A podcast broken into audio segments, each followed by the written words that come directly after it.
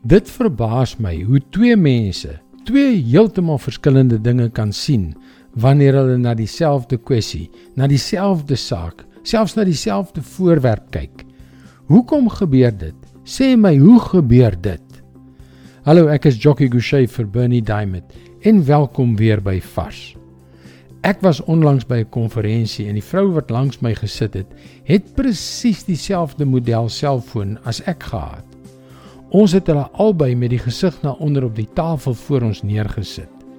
Myne het 'n netjiese vlootblou omslag gehad.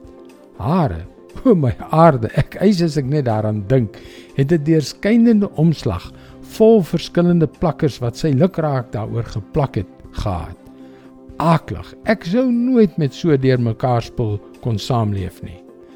Twee identiese fone wat aan twee heeltemal uiteenlopende mense met heeltemal uiteenlopende perspektiewe behoort. En dis maar hoe die lewe is. Maar dis niks niets nie. Handelinge 15 vers 37 tot 39.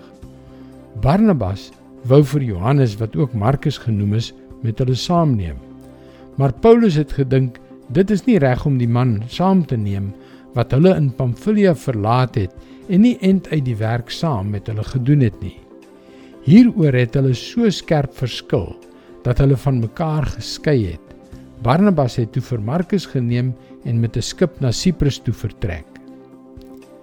Ja, hier het ons vir Paulus en Barnabas, twee groot karakters uit die Bybel wat kragtig deur God gebruik is. En tog was hulle sondaars net soos ek en jy. Hul verskille het op 'n ewige argument uitgeloop. Mense gaan altyd, glo my, altyd dinge vanuit verskillende perspektiewe bekyk. Maar ons moet nie toelaat dat dit argumente veroorsaak nie. Ons kan van mekaar verskil, maar ons kan dit in liefde doen. Dit is God se woord vars vir jou vandag.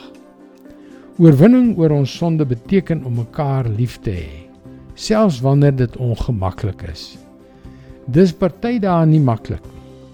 As jy 'n bietjie meer wil uitvind, gaan gerus na ons webwerf varsvandag.co.za waar jy vir jou daaglikse vars boodskappe kan inteken.